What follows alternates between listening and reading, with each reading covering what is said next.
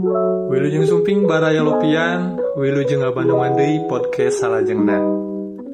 Dina yujirangan simkuring Riki Nawawi baris mendar hiji bahasan anu judulna kursus budaya Sunda nyundaan urang Sunda.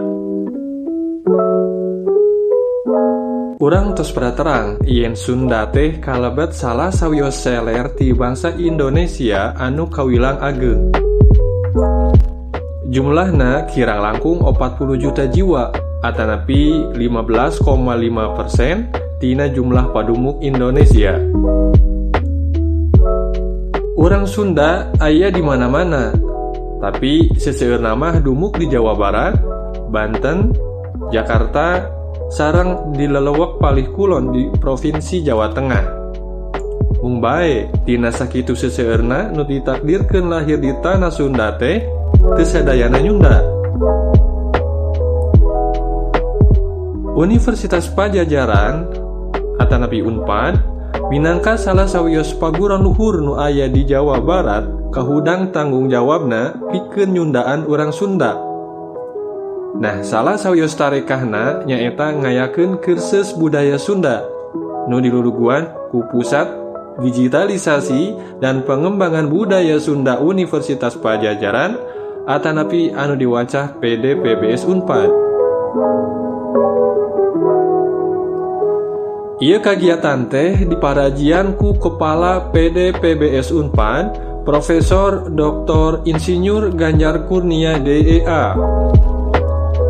Salaresna, ia kursus teh parantos lumangsung ti mangsa Prof Ganjar mancen Rektor Unpad tahun 2007 dugika 2015.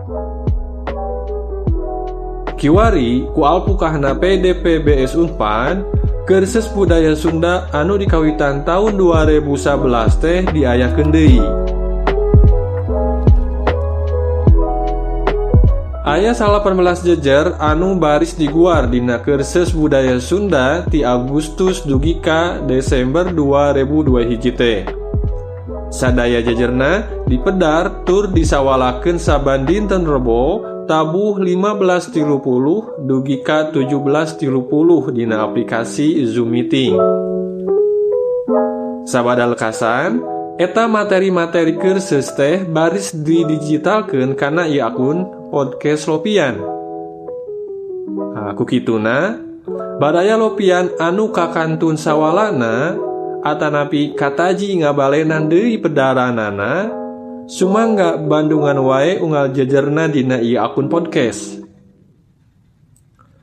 Pamungkas, mugi-mugi urang Sunda beki nyunda, tur kasundaan anak oge beki barokah.